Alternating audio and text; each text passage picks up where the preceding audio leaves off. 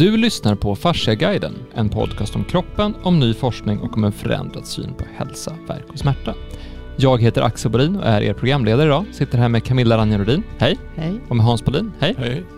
Eh, när vi släppte avsnitt 76 om bäckenet och om ett bäcken kan vara snett och vad som händer ifall ett bäcken är snett så fick vi otroligt mycket feedback. Det var så kul, för vi sa så här, äh, ska vi verkligen göra ett avsnitt om bäcken? Det är väl ganska självklart. Och så sen så insåg vi att vi har aldrig berättat om det här, vilket är någonstans, någonstans grunden i hur vi ser på kroppen och hur vi behandlar. Så vi tänkte fortsätta lite på det temat och ta upp någonting som hänger väldigt nära ihop med snedställda bäcken och det är balans och hållning i allmänhet. Alltså om du, för någonstans är det så här att när, när vi började jobba ihop och började titta på det här med kroppen och hälsan, då, då tog vi fram en bilddiagnos där vi fotograferade folks hållning, både framifrån och bakifrån och från sidan och eh, sen tittade vi även på nackrörlighet. Och jag tror jag gjorde, alltså först gjorde jag tusen stycken sådana här på en hälsomässa och sen var jag den som gjorde dem varje dag på kliniken, så jag gjorde sex stycken om dagen i men två år säkert. Mm. Så att jag har någonstans sett alltså, säkert 3000 obalanserade människor och när man Mm. börjar se de här tecknen på hur det här ser ut, då, då, börjar man, då börjar man se vissa samband. Det brukar jag faktiskt ha nu när vi har möten med nya, nya partners och nya personer vi ska jobba med och sådär, så, så brukar jag, då förklarar de, vad gör ni för någonting? Då säger jag så här, jag sitter på sjunde våningen. Om jag tittar ut här så ser jag ett stort torg, ett busstorg. Mm. Och där är det en massa människor. Jag kan säkert se hundra människor just nu. Om jag tittar på de här människorna så ser jag att i alla fall 90-95 procent är i obalans. De går snett, de rör sig armarna snett, de har en framåtviktad hållning, de har en de har någon form av obalans i kroppen och man ser det på hur de rör sig. Mm. Och det ser jag för att jag har sett så fruktansvärt många kroppar som har sneda. Och det här får ju konsekvenser. Då tänkte vi specifikt gå in på en sån konsekvens och det är Frozen Shoulder som vi har jobbat väldigt mycket med och vi hade nyligen en studie som presenterades på Fascia Research Congress i Montreal om just Frozen Shoulder-behandling. Men vi börjar med balans och hållning och obalans och dålig hållning. Eh, och då undrar jag Hans, om du ska börja med det, för det är det som du det var det som fick dig lite hooked på den här det var väl det som fick dig in i den här branschen och, inse att du kunde göra någonting här? Eller? Ja, det vi gjorde egentligen var ju att det som är lite lustigt, jag tror vi berättade om det förut, men i många böcker, till exempel Anatomy Trains eller, eller ehm, eh, alltså böcker för fysioterapeuter, när man pratar om anatomi så visar man oftast bilder på hur folk ser ut. Det har du också sett, eller hur Camilla? Mm. Men det är ingen som gör det. Så vi gjorde ju så att vi började fota folk och såg hur de såg ut. Och det som är intressant då är att för det första är de rätt bra på att döma sig själva. Ser jag ut sådär? Ja, det gör det. det är så mycket. Eller som jag sa idag, vad, är det för fel på dig då? för folk kommer oftast hit för de tror att det är fel på dem och det är ju oftast män. Men det, man, det som var intressant när man fotade folk, då kunde man också visa hur obalansen var. Att man kan vara framåt, man kan vara bakåt, man kan vara man kan ha gamnacke som man säger. Eh, man kan ha ja, olika sätt. Det som då, eh, och det har jag haft mycket diskussioner med sjukgymnaster om det, och även de som är PT och så. Att man, man tränar inte bort sånt. Man behandlar bort sånt. Och att man behandlar bort sånt, det är ju att förstå att vi har mycket makt över saker och ting, men inte autonoma nervsystemet. Utan mycket av det som är i kroppen, det går automatiskt. Det, det mesta går faktiskt automatiskt. Man tänker inte på hur man andas, som vi har i avsnitt 29. Man tänker inte på hur hjärtat slår. Man tänker inte på, man tänker inte på så mycket egentligen. Man tänker en massa, men man tänker inte på så mycket som har med kroppen att göra. Så jag, det jag menar då är att, att om, man har en, om man har fått en obalans, som man kan få av att man har skottat snö, som inte man gör nu, men man kan, man kan ha gjort någonting. Man kan ha lyft någonting, man kan ha kommit i obalans. Så, Suttit vid ett skrivbord. Exakt, eller som vi sa, att man, man bygger egentligen den kropp som, man, som, som flödet är i. Sitter man på en hästrygg eller man spelar hockey eller man spelar fotboll så kommer man att bygga den kropp som är den, den typen av belastning får. Eller om man tittar på skidå, alltså, eh, skidlöpare som åker på eh, längden. Så det finns många av dem som har problem med ryggen. Men om ni tittar på dem när, när det börjar ska se hur framåtroterat deras bäcken är. Och det är klart att de kommer att få problem med ryggen. Det är ganska givet. Så, så egentligen, det som var intressant med att börja fota folk och visa det, det var att då fick de se, jaha, så där ser jag ut. Jaha, det är det. Och då kan man också börja diskutera om var de här obalanserna sitter i kroppen. Ja, det kan sitta i bröstryggen, eller det kan sitta i ländryggen, det kan sitta i nacken, det kan sitta i axeln, det kan sitta i foten, det kan sitta i knät. Utifrån hur kroppen har försökt att styra upp det där. Och, ehm, och det där är ju ett sätt att se kroppen som en helhet på ett annat exakt. sätt. Så, så, och då, det, det som var intressant, för vi gör det nu också, fast nu tar vi deras kamera. Vi tar inte bilder, vi tar deras kameror som det ofta är med en, en, en, en eh, telefon med sig. Så fotar man då bara enkelt, ta 30 sekunder. Får de se hur de ser ut. Det beror på hur snabba de är på att vända sig. Det kan ta en minut också, eller två minuter, men det går fort. Och så får de ju se, ja så där ser det ut. Och det häftiga är att det går ju faktiskt att skruva till det där så att de blir raka på ett par, tre behandlingar. Sen att, att det håller sig. Det märkliga egentligen är att varför vi inte har uppmärksammat det här eh, mer. Eh, det kommer mer och mer med, med de som håller på med yoga och andra mjukträning. Att man är mera fokuserad på. Men vi har ju de som kommer som håller på med yoga som är sneda också. Så det är inte, jag tror att det svåra egentligen det är att, att balansera kroppen behöver man någon typ av hjälp för att göra. Jag tänkte att vi skulle komma tillbaka till vissa nyckelsaker som du har nämnt här, men först vill jag bara säga att för det som är intressant då när någon kommer in med dålig hållning och obalans i kroppen och man fotograferar det här, det är ju att vissa tror ju inte att det här går att förändra. Vissa tror att det är så, att det här är ett mm. statiskt tillstånd. Och då är det intressant för att när vi har behandlat dem med, med två maskiner och nästan en timme och liksom verkligen skakar om hela kroppen mm. som vi började med redan då, som vi har fortsatt med eh, och utvecklat den metodiken hit och dit, så, så ser man ju en tydlig förändring. Alltså de flesta blir en centimeter längre, de får en annan sträckning, de mm. får alltså även på en behandling så, så sker förändringen. Sen är det inte alltid att den håller i sig, det kan gå tillbaka, det beror på vad man gör och så vidare, men, men det är alltid en förändring. Mm. Och det intressanta med det är att när man då ser en förändring, framförallt de som inte trodde att det gick, att då kommer de och ser en obalans och sen ser de, men nu är jag faktiskt rak. Mm. Det gör ju också någonting med människor att man kan se att man, oj shit, det, det kan faktiskt förändras. Det väcker ju någon form av hopp i det här också. Eh, men jag tänkte ta in en, en anatomisk fysiologisk aspekt i det här som jag tror är väldigt viktigt att förstå och det är ju det autonoma nervsystemet och vagusnerven och centrala nervsystemet och hur det här går genom ryggraden. Och då tänkte jag Camilla, nu, nu sitter ju du här och du har ju faktiskt skrivit rätt mycket om, om nervsystemet. Ska vi ta en snabb repetition om autonoma nervsystemet, vad det är för någonting och hur vagusnerven fungerar så man får in just hur centralt det är för att om det är dålig hållning och det är obalans i ryggraden till exempel, då kommer det att påverka eh, vagusnerven. Det kommer påverka nervsystemet. Det kommer påverka alla spinalnerver egentligen. Mm. Och tvärtom. Eller vice versa. Och vad är då det autonoma nervsystemet? Aut autonoma nervsystemet består ju egentligen utav, det är det som vi inte kan styra med viljan så att säga. Utan det, det är automatiskt styrt.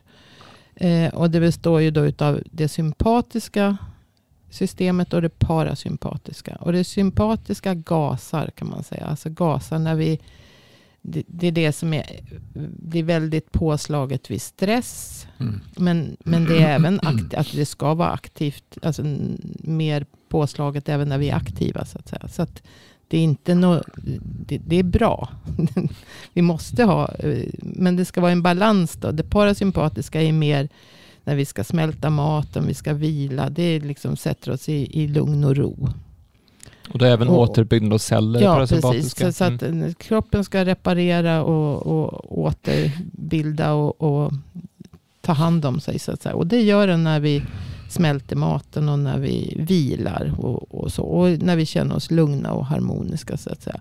Men det ska ju vara en balans mellan de här två. Så det får inte vara så att det sympatiska ständigt är överaktivt och mm. påslaget. För då det, det är det ju då i en stresssituation. Så att säga. För det ger ju, det, blir, ja, det påverkas ju av, det blir stresshormoner som eh, eh, påverkar det här sympatiska också. Och eh, vi, det, det blir liksom ett ständigt påslag av, av spänning i kroppen. Vi är liksom eh, beredda att fly eller försvara oss hela tiden. Så vi, man kanske får svårt att sova därför mm. att man är väldigt aktiv. Och liksom för hjärnan och, och ö, synen, hörseln, allting är liksom påslaget på max.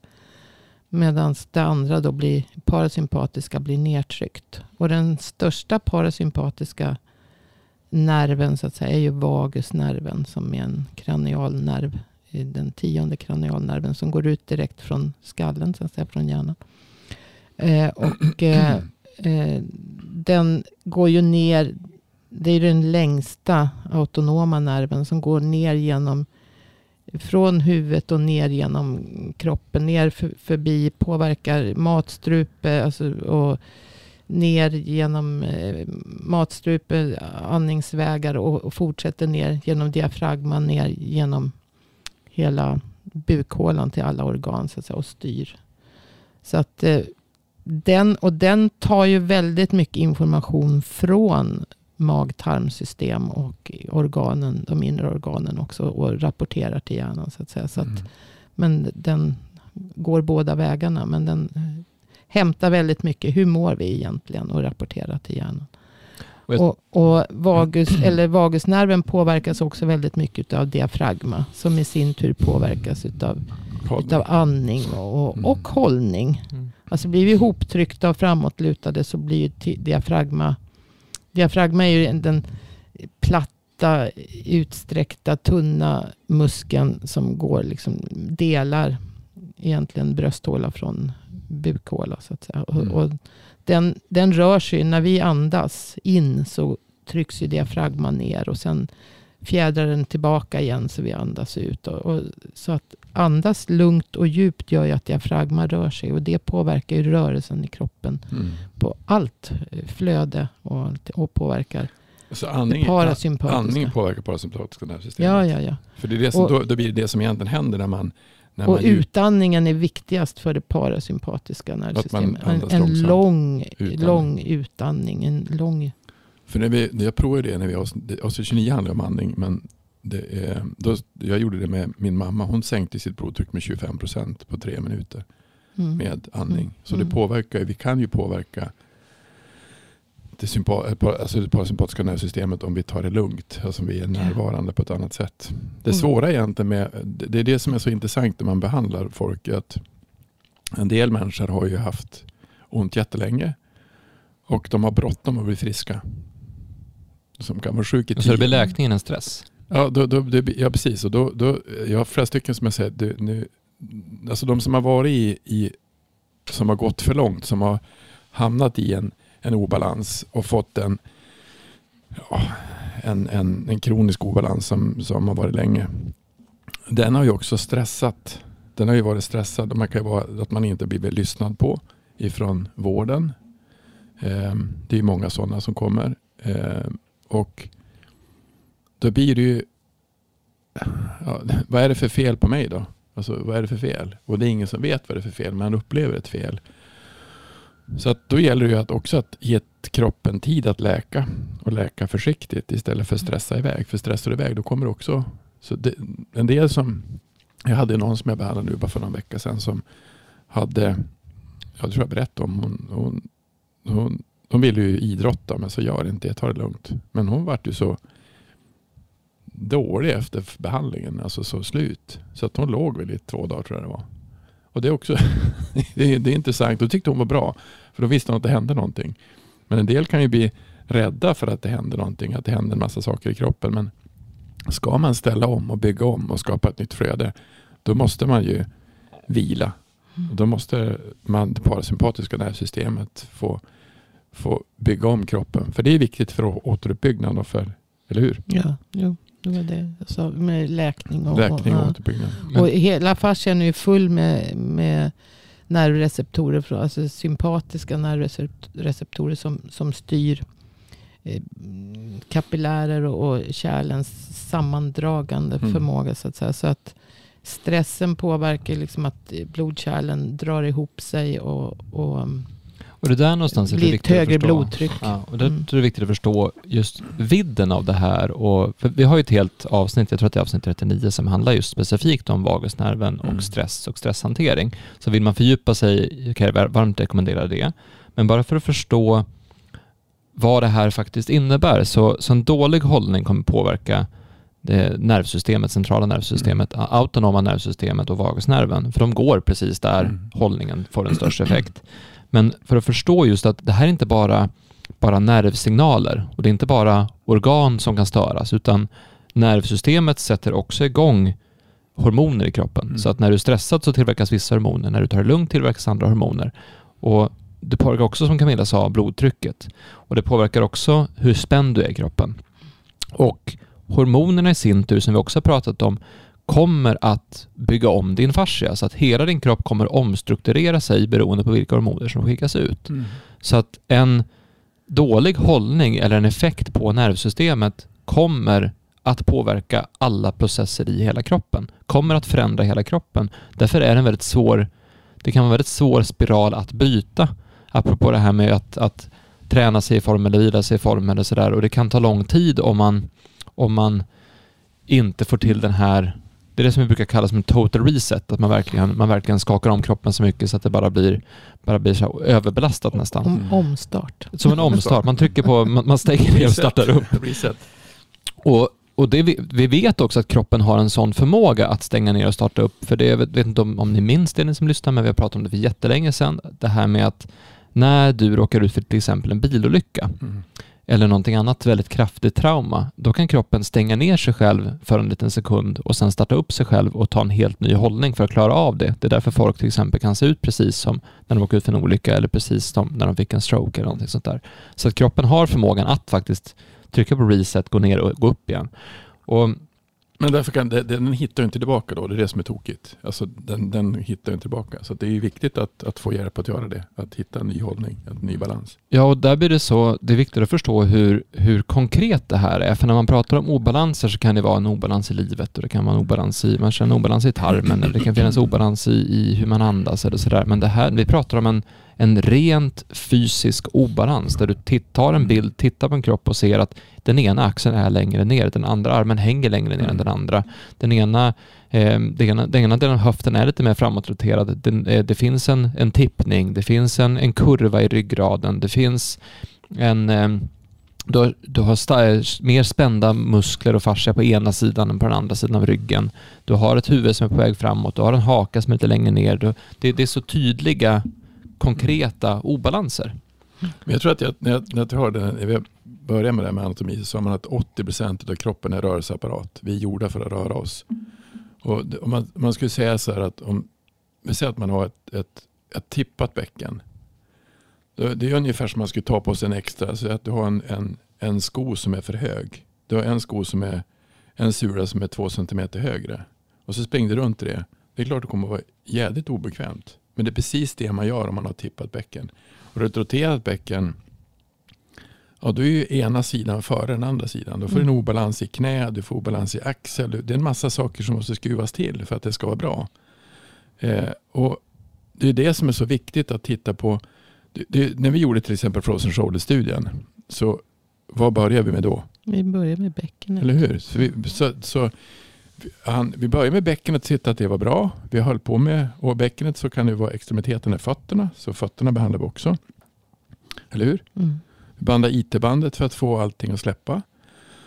Jag tror inte IT-bandet påverkar ju bäckenet. Exakt, så jag tror inte vi behandlade första behandlingen som vi gjorde så att den behandling som vi gjorde som hade med själva frozen shoulder, den kanske var 10 minuter på första behandlingen vi hade. Max. Mm. Därför att det andra måste man ställa in först. Det som vi gjorde på, när, vi, när jag gjorde frozen shoulder från början, då behandlade vi inte så. Men det var ju oftast ute i det fria. Det var ju en kille som jag behandlade i Övik som sa att det var när vi hade börjat på att sälja, först när vi höll på att sälja maskiner i Rytte till ridskola. Så satt jag och berättade om den här maskinen, är fantastiskt bra, fascia hit och dit, fram och tillbaka. Och så säger den här killen då, Hör du om din maskin är så bra kanske du kan fixa min axel. Och då hade han var, ja vad är jag, 20% invalid. så han var, jobbade där, det där vad heter det, stallet då. Ja, så sen tog vi en maskin, så en, hon som skulle köpa maskin fick köra från ett håll och jag körde från andra hållet. Så körde vi på skulderbladet i 20 minuter. Och så sen så släppte vi bicepssenan och armen och så. Och så efter 20 minuter, då funkar hans axel och den har suttit fast i 10 år. Mm. Men nu släpper vi på kompensationerna så att säga. Exakt. Så då, så, så, och då var ju, det var ju så vi började med. Men, men sen när man ska göra en studie, då, man ska, då gjorde vi ett protokoll. Hur ska man egentligen göra? Ja, man ska ju behandla hela kroppen så man ser till att allting blir rakt. Mm. Det luriga det var att den där frozen shoulder-behandlingen, så vi gjorde vi, i, det finns ju på nätet, så gjorde vi i Finland. Tog, det tog fem minuter tror jag. Hon sa att det tog fem minuter. Jag sa att det tog tio, men det tog fem minuter. Och Det är det som är så fantastiskt, vad snabb, vad snabb kroppen är på att, att sätta fart på saker och ting. Eh, så, men studien som vi gjorde, det var ju att vi, vi, bör, vi, vi behandlade hela kroppen. Vi behandlade de stora fasciastrukturerna. Rakt bäcken, under fötterna, IT-band, ländrygg och sen behandlade vi det som var runt axeln då, som är superficial armline, alltså som går runt eh, under skulderbladet, upp i nacken, eh, bicepssenan, handen. Men jag tror, jag tror frozen shoulder är ett bra, ett bra case för att kunna förstå vad det är som kan hända i kroppen. För att när vi, när vi gjorde det här avsnittet om den vetenskapliga grunden så pratade vi om att när man ser till fascia så börjar man i andra änden. Alltså det som man tittar på idag när man försöker förstå kroppen så tittar man oftast på en del och en funktion och sen utifrån den delen och den funktionen bygger man upp en förståelse för mm. helheten. Så man tar delen, närstuderar delen och sen bygger man ihop det här för att försöka förstå alltihopa samtidigt. Det vi försökte göra där var att vända om det och se så här, vi tittar på kroppen som en helhet först. Vi tittar mm. på kroppen som ett sammanhängande flöde som sen blir en struktur, som sen blir funktioner och som sen blir eh, hur kroppen faktiskt är och, och ser ut och, och vi lever i så. Och det, det, det börjar, du börjar studien med en, med en, med en genomgång, ja, en anamnes. Precis, det är det jag skulle komma till. För om du tar, vi har ju en, en metafor som vi använt tidigare som heter trappan och det är att du någonstans du är frisk och så sen så händer någonting. Vi säger att du stressar lite extra under en period och då, då får du lite svårt att sova.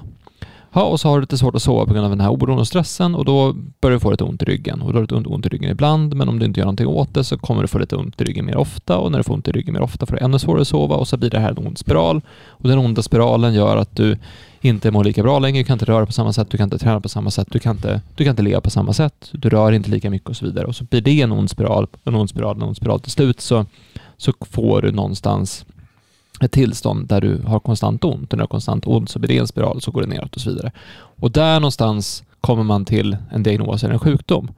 Men det man gör inom det traditionella sättet att se på det, då tittar man först på sjukdomen och försöker förstå den. Men det här är ju ett sätt att försöka förstå vägen dit.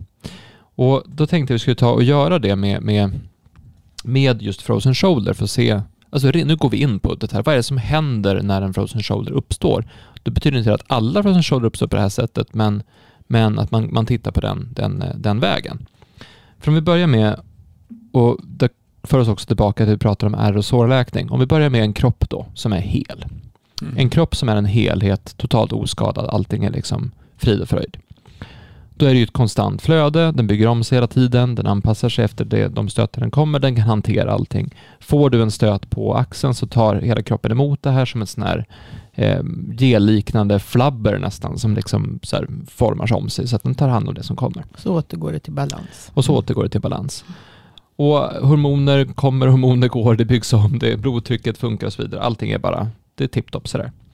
Men sen händer någonting. Vad ska vi ta som händer då? Ska det vara att man, man ramlar och slår sig? Eller ska ja, det vara att man... Det, men alltså frozen shoulder behöver ju inte bero på en, en skada. Det kan ju lika gärna bero på Alltså de, dels kan det ju bero på att du på grund av ett snett bäcken belastar mm. hela, alltså du kompenserar och, och, och får en snedbelastning utav hela utav skulderbladen så att säga. Okay, så någonting axlar. händer som gör att bäckenet blir snett och det skulle kunna vara egentligen vad som helst. Det kan, vara det kan har... ju också bara vara att du, du utför hela tiden ensidiga rörelser. Mm. På något sätt så överanstränger du någon kroppsdel så att säga. Du kan ha stukat en fot. Ja, du kan ha stukat en fot, men du behöver inte ha skadat dig heller. Du kan bara är du kan, du dag vara... ut och dag in mockat på exakt samma sätt då, med så, höger och vänster ja. arm och ensidigt och slänger skiten i... Det är som att skotta snö fast ja, ja, man skottar precis. skit Du skottar istället. alltid snö åt samma håll och, och slänger. Eller bär alltid där. med på höger i matkassan. eller tränar på ett speciellt sätt. Eller spelar fotboll. Eller...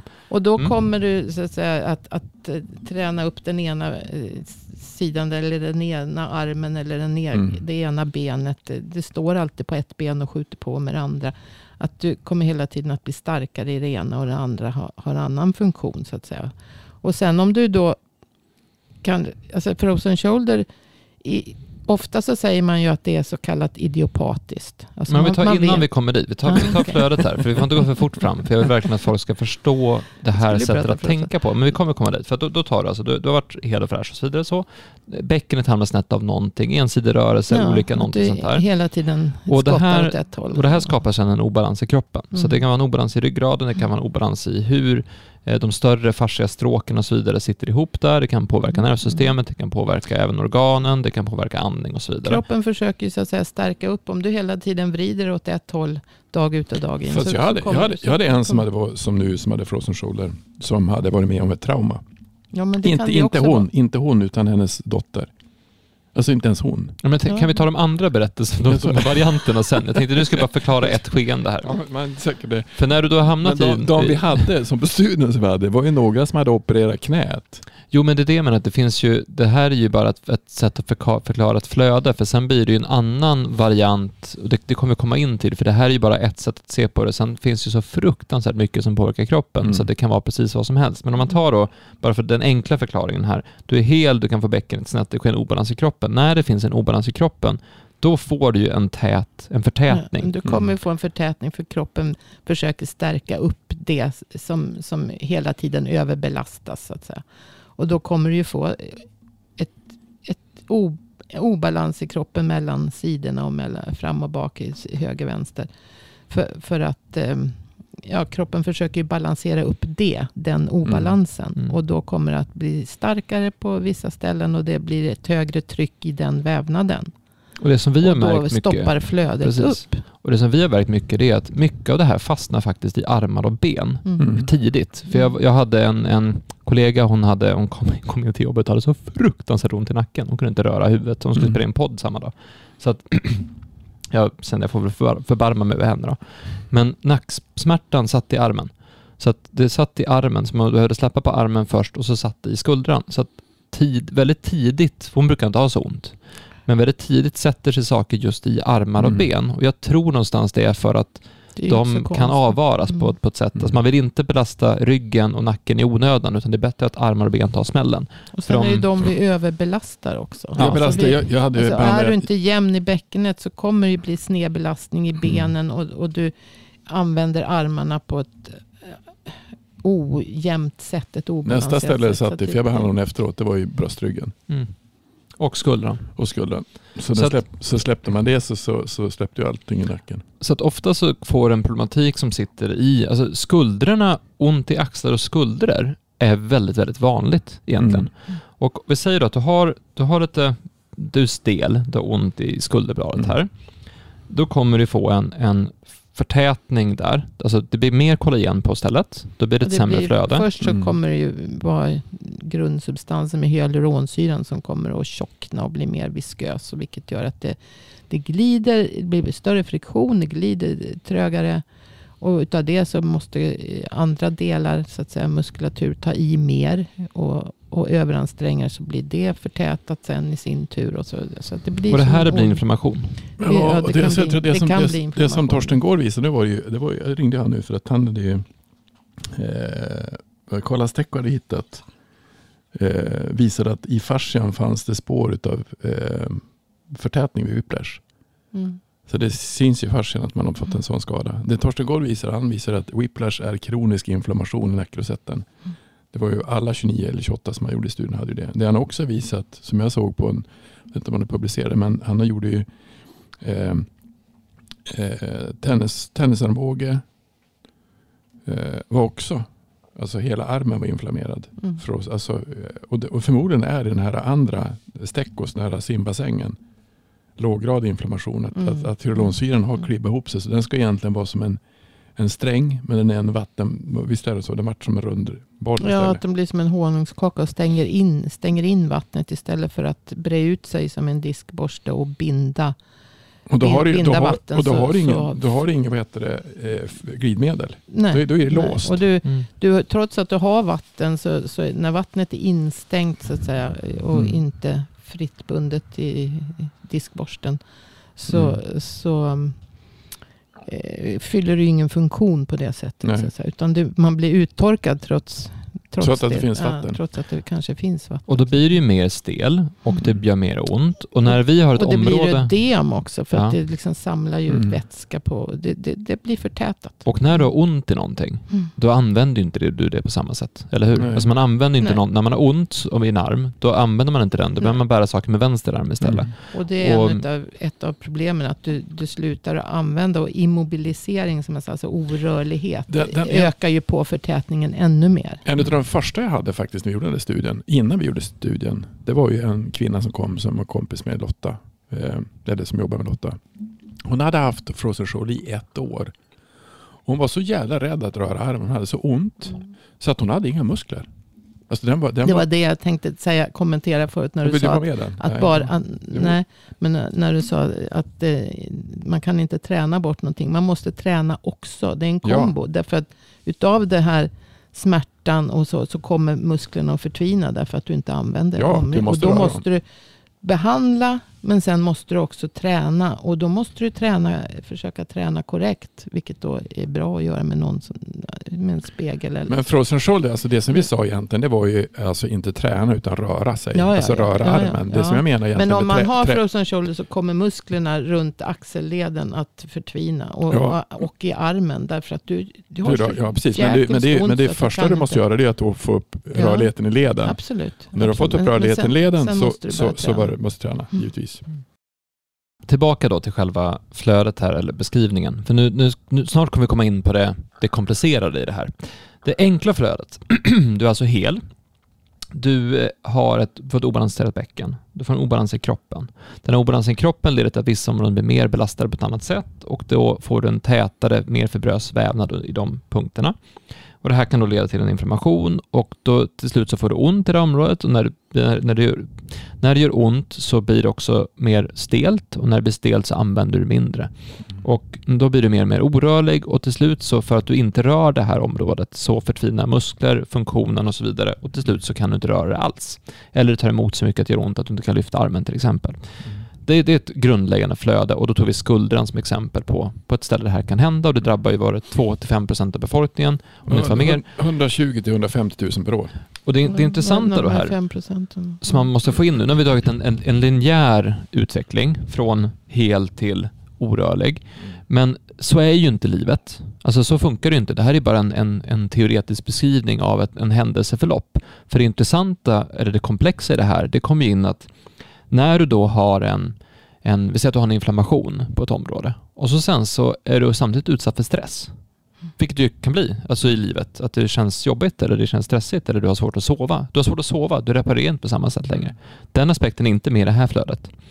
Eh, om du är stressad, då kommer kroppen att tillverka kortisol. Så kommer det att sätta sig i det området. Och kortisol vet vi eh, du, det, förbrukar kollagen, eller det förstör kollagenet, vilket gör att den här, det här området kommer bli ännu mer drabbat. Mm. Så att andra saker du gör runt omkring kommer också kunna leda till en förvärring eller en förbättring. För det kanske också är så att du någonstans i det här skedet faktiskt eh, hittar en väg ut, eller hittar ett annat sätt att vara på, eller ett annat sätt att röra dig på, eller tar hand om det i ett tidigt skede. Och då kommer det inte att gå åt det hållet som, som det här är.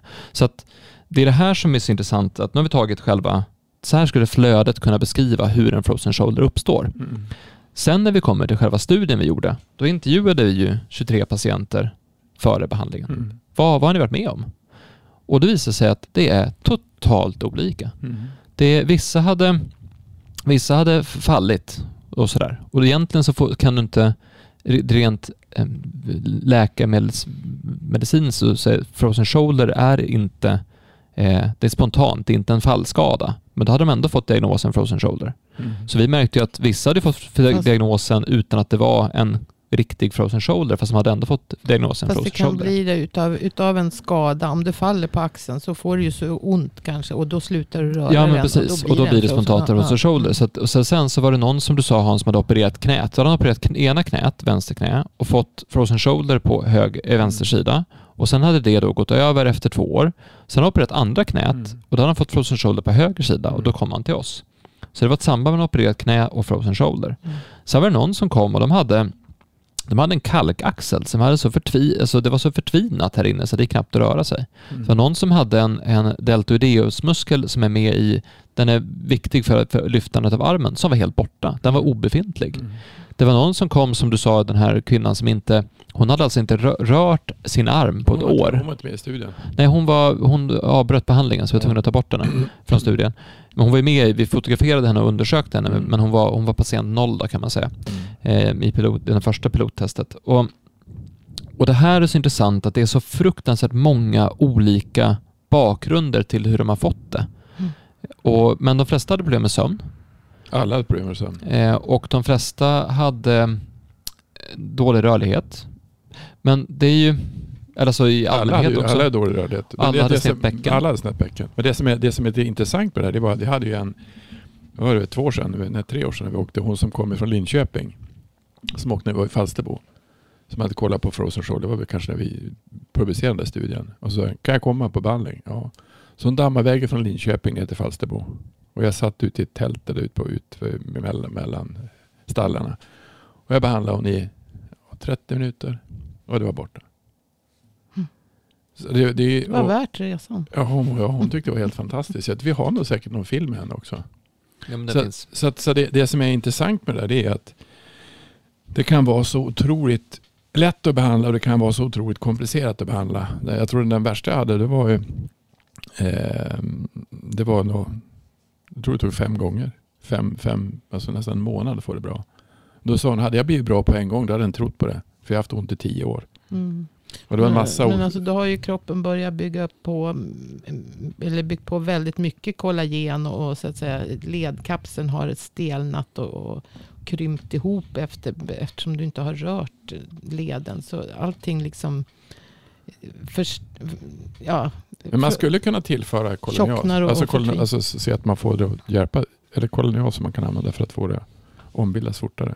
Vad sa du? Att, Eller kollagenas man kan tillföra för, för att ombildas fortare. ja, fast jag vet inte om man Om vi säger så här, det vore intressant, det vore, det vore intressant om vi verkligen fick chansen någon gång att verkligen optimera den här behandlingen utan begränsningarna som är, för jag menar, när vi skulle göra en forskningsstudie, Vi fick inte göra som att- någonting. Ja, men, det, men det var inte bara det, utan det var inte som att vi hade liksom världens budget att ta in dem i en perfekt, eh, alltså superklinisk miljö och liksom kunna välja och vraka bland case och liksom sådär, utan vi fick ju verkligen vi, sko vi, ihop tog, det så vi, mycket vi, vi, kunde. tog, vi tog alla som hade, fått den diagnosen av specialistläkare. Ja, ja, men, men det hade ju, vi, hade, vi fick ju inte göra det, att vi hade fått göra det i en ordentlig eh, klinik under bättre förutsättningar och så, Nej, så men hade jag, tror det, en alltså, det, det, jag tycker det, det som vi gjorde var helt okej som alltså behandlingsmässigt, klinikmässigt. Det man skulle kunna ha gjort istället är att om vi vet att det är kronisk inflammation då skulle man ha haft eh, kurkumin, alltså inflammationshämmande saker som man fick. Eller Ja, ja. kanske smärtlindring så att det gjorde mindre ont. Det skulle man kanske ha haft. Ja, det laborera med att man har en grupp som får behandling mer ofta, en grupp som får behandling mer sällan. Alltså vi hade kunnat, vi, vi hade inga resurser, det var det jag ville säga. vi hade inga resurser när vi gjorde studien. Vi gjorde den helt utan resurser. princip. studien, gjorde vi, studien gjorde vi utifrån den studien vi sagt att vi ska göra. Vi Ja. ska göra tre behandlingar under en månad, vilket vi gjorde. Eh, och sen var den ju upplagd på, så gör man ju studier. Ja, ja, men eh, Eh, missförstå mig rätt. Jag menar bara på att, att hade man haft mer resurser för att göra en studie så hade man kunnat göra en, alltså det, här, det, det vi gjorde går att göra igen fast i en mycket, mycket större skala. Eh, om, det fa- om det fanns en eh, resurser bakom det. Men vi fick ju göra en studie utan resurser. Och, och sen en kontrollgrupp som inte får behandling då. Men det är ju också väldigt... så dumt. Det är menar, så dumt, för det är- det är så dumt det är jättedumt. sant. kallar in folk som, ja men du får vara i gruppen som inte får behandling. Det som är intressant och att det är vi, ju de vi, som inte får behandling. Det är ju de som fortfarande går jag skickade den där studien till Stefan Salle, forskningskillen som är läkare. Och sen, det är helt fantastiskt vilka resultat. Jag, jag tyckte det var för dåligt, så vi borde ha fått mer. Det är ju helt otroligt. Alltså, det de gör i medicinska studier är 40 procent. Alltså över 40 procent tycker de är bra. Och vi hade väl 80 procent fick en 80% stark fick en stark förbättring. Alla Och vart, 40% blev alltså de vart ju förbättrade de allra flesta. Så jag de tycker fick inte ju att åtminstone det- sova bättre. Exakt, jag tycker inte att studien, att studien var jätteintressant. Ja, studien är jättebra, det är inte vänta, det vänta, säger. vänta, vänta. Jätteintressant gjord. Det som är intressant det är att det är 150 000 personer som får det varje år. Och jag pratar med Sofiahemmet och jag pratar med de som är, jag försökte göra reklam för den och säger att det här kan ni göra. Inte en, jä, ursäkta, inte en enda fördärvade är intresserad av det. När det är, och då, då undrar man vad har de för, ursäkta, perspektiv? Om man kan göra någonting och de har ont skitlänge de som har frozen shoulder. De har jätteont. Och det som var när vi skulle göra den här, när vi tog in pengar förra året Eh, alltså när vi ska göra. Då var det en, en, det var en sån här investerare som tyckte att och du hittar på det här med fascia, sa han. För jag kollar med, det, det är ingen, jag kollar med en professor jag känner på Karolinska. Han vet inte vad det är för någonting. Jag, jag, jag har inte hittat på det. Så det, det, det är nog någon annan som har gjort. Eh, och då var det en, en kille som han kände som var vd för ett bolag som hade haft Frozen Shoulder sedan februari 2021 och kom till mig i maj 2021 och gick på första behandlingen och hade full rörlighet. Sen behandlade han en gång till. Sen hade han full rörlighet. Mm. Och han tyckte nog är det väl fördärvat att, det, att man inte får det här. Så att jag tror att det, det, det är inte det, som, det som jag tycker är intressant med allting som vi håller på med kring fascia olika typer. Som du tar sårläkning som vi höll på att prata om för två avsnitt. Alltså att man kan förändra vävnadsförändra sår så att man kan få en helt annan jag pratade med en kirurg och det är helt fantastiskt. Så kan man göra sådana saker, det är helt otroligt. Är det någon som är intresserad? Nej. Är det någon som är intresserad av frozen shoulder? Nej. Är det någon som är intresserad av smärtlindring? Nej. Är det någon som är intresserad av snett Nej. nej. Ryggverk? nej. nej. Och då, så, så jag hade ju, vi hade sådana möten med, med pressen vi håller på med då. Så, så vi hade ju, vi gjorde, du gjorde en artikel igår om, om polishund. Vi har gjort en, en annonskampanj i den stora tidningen Polishunden. Som har jättemånga läsare. Och då, han ringde mig och så sa han att han skulle sälja annonser på Polishunden. Ja, vi kan köpa annons på Polishunden. Bara du Bör du hitta ett sätt för oss att kunna sälja behandlingar, typ att komma in till polisen? Det tror jag blir jättesvårt. Men det gjorde vi i den här artikeln om, om, om Troja som vi behandlar, som egentligen har smärta. Alltså eh, spondylos är ju sammanväxning i, är det bröstryggen på en hund? Ja, det kan vara spondylos i läng, var som, var som längs, längs eh, ryggkotan. Ja. Så det är samma, gör fruktansvärt ont och det är en kronisk inflammation. Mm. Och hon kunde knappt gå fem minuters promenader tre gånger om dagen. Och, och led. Och led och fick full rörlighet och var som en ny hund. Mm. Och då måste man förstå också att... Alltså då, full rörlighet, hon, hon blev be betydligt bättre. Hon blev alltså polishund när hon var fyra år gammal, mm. hunden, mm. och var tvungen att ta sig ur tjänst när hon var sju.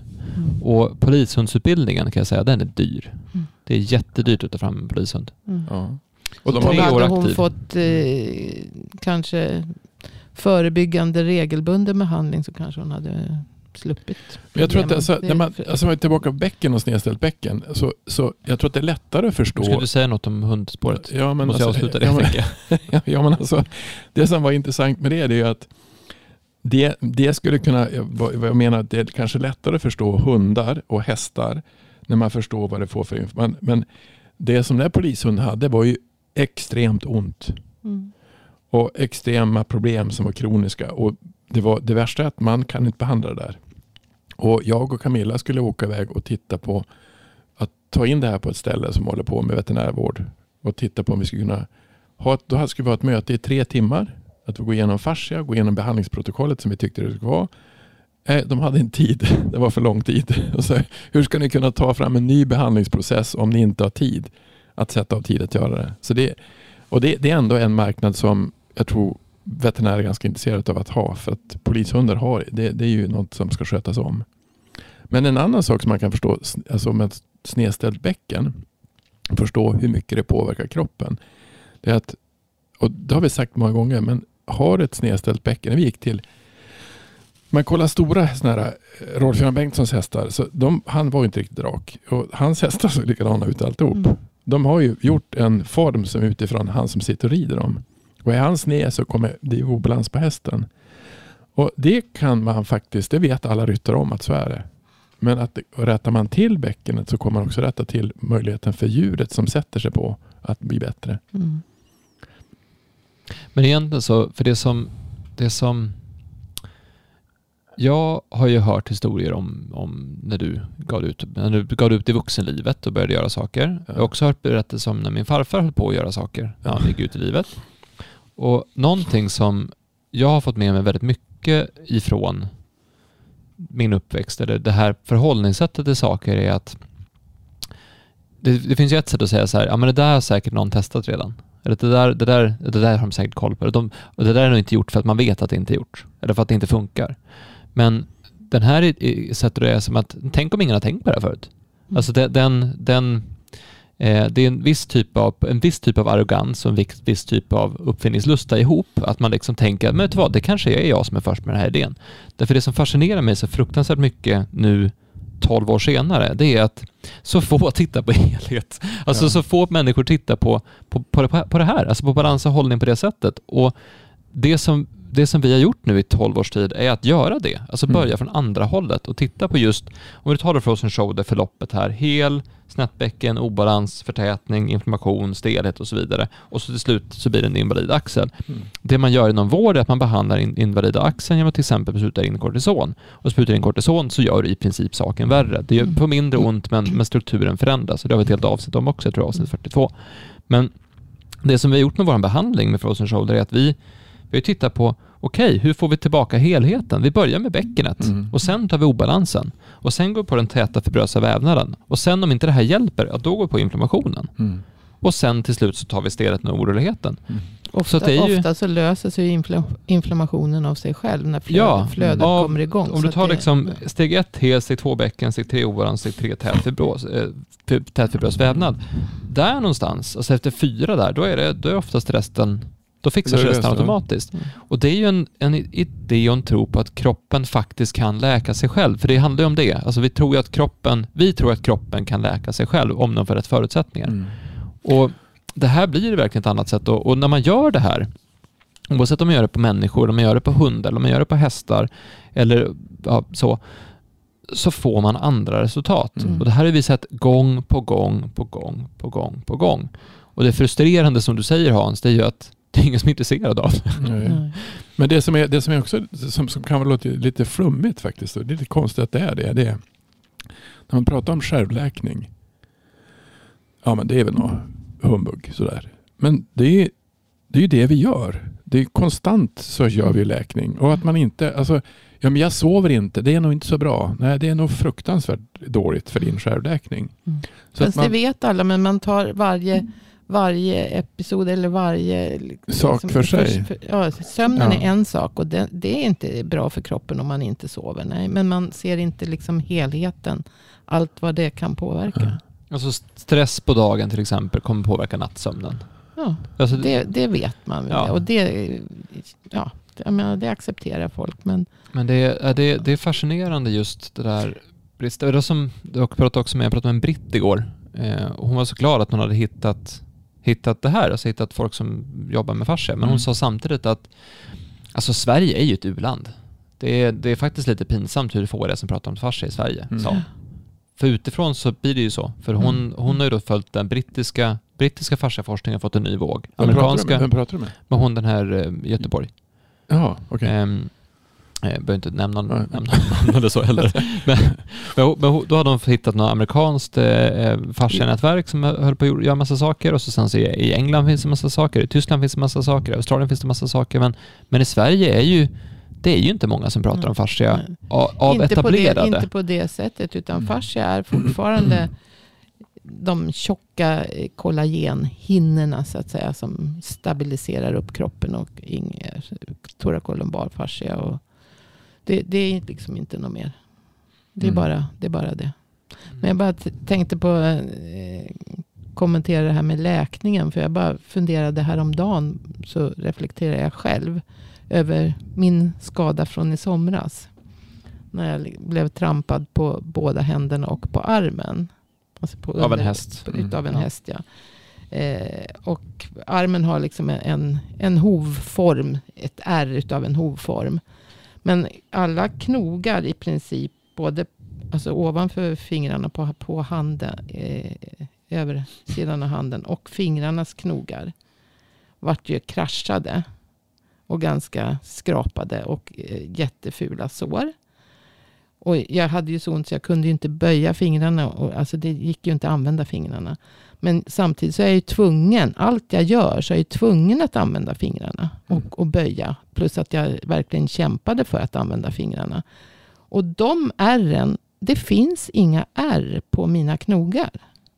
Däremot så har jag ett jättefult ärr som gör ont och som påverkar ar- underarmen. Men där rör det sig ju inte normalt. Mm. Men det andra som jag liksom hela tiden fick läka under rörelse. Det har liksom bara, det har bara läkt och det finns inga ärr. Jag kan inte se liksom resterna. Jag bara tänkte på det för att jag skulle visa någon.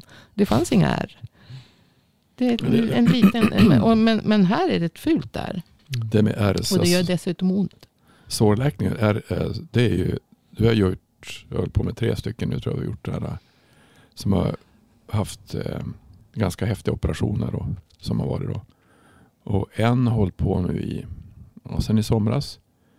Och hon är helt förändrad, Alltså, hela hennes kropp är förändrad. Alltså ärrvävnaden nästan totalt, det, det, det enda som jag behandlade sist var att hon hade hon hade låsningar i fötterna och i nacken, det var det som var kvar. Allt annat som fanns i, i inre organ och bukhålan, allting som man har varit och grävt runt i. Det, det är nästan helt borta. Mm. Helt makalöst alltså hur kroppen kan läka. Men man måste få igång flödet. Ja, men hon är är- det, hon det är är- det jag menar Hon med, är, hon är med behandlad, hon är rörelsen. behandlad själv. Hon har Mm. lånat en maskin och behandlat Ja. sig själv 10 minuter om dagen eller så kanske mer. Jag är och- dålig på att behandla. Exakt. Ja, men det, det är det man ska göra. Men, men det, och den annan som vi också hade, det, det är otroligt vad fantastisk kroppen är på att just att vi flöde bygga om, bygga om, bygga om. Och det, det där som, det är lite lurigt det där som berättar vad som hade hänt. Men egentligen såg det ut som att kroppen har byggt ett egen struktur in i strukturen. Alltså det är Mm. förtätningar som ett träd som Mm. gick ner mot knäna och upp i, alltså för att hålla där, alltså, kroppen i schack på något sätt. Och när man fick igång flödet då, då, bygg, då försvann det. Mm. Så byggdes det om. Rätt fascinerande. Så jag tog Gimberstås filmer i levande fars är ju intressant att se på. Och då får man som ett helt annat perspektiv. Hur, hur ser vi egentligen ut? Vad är det som händer? Och det händer konstant hela tiden.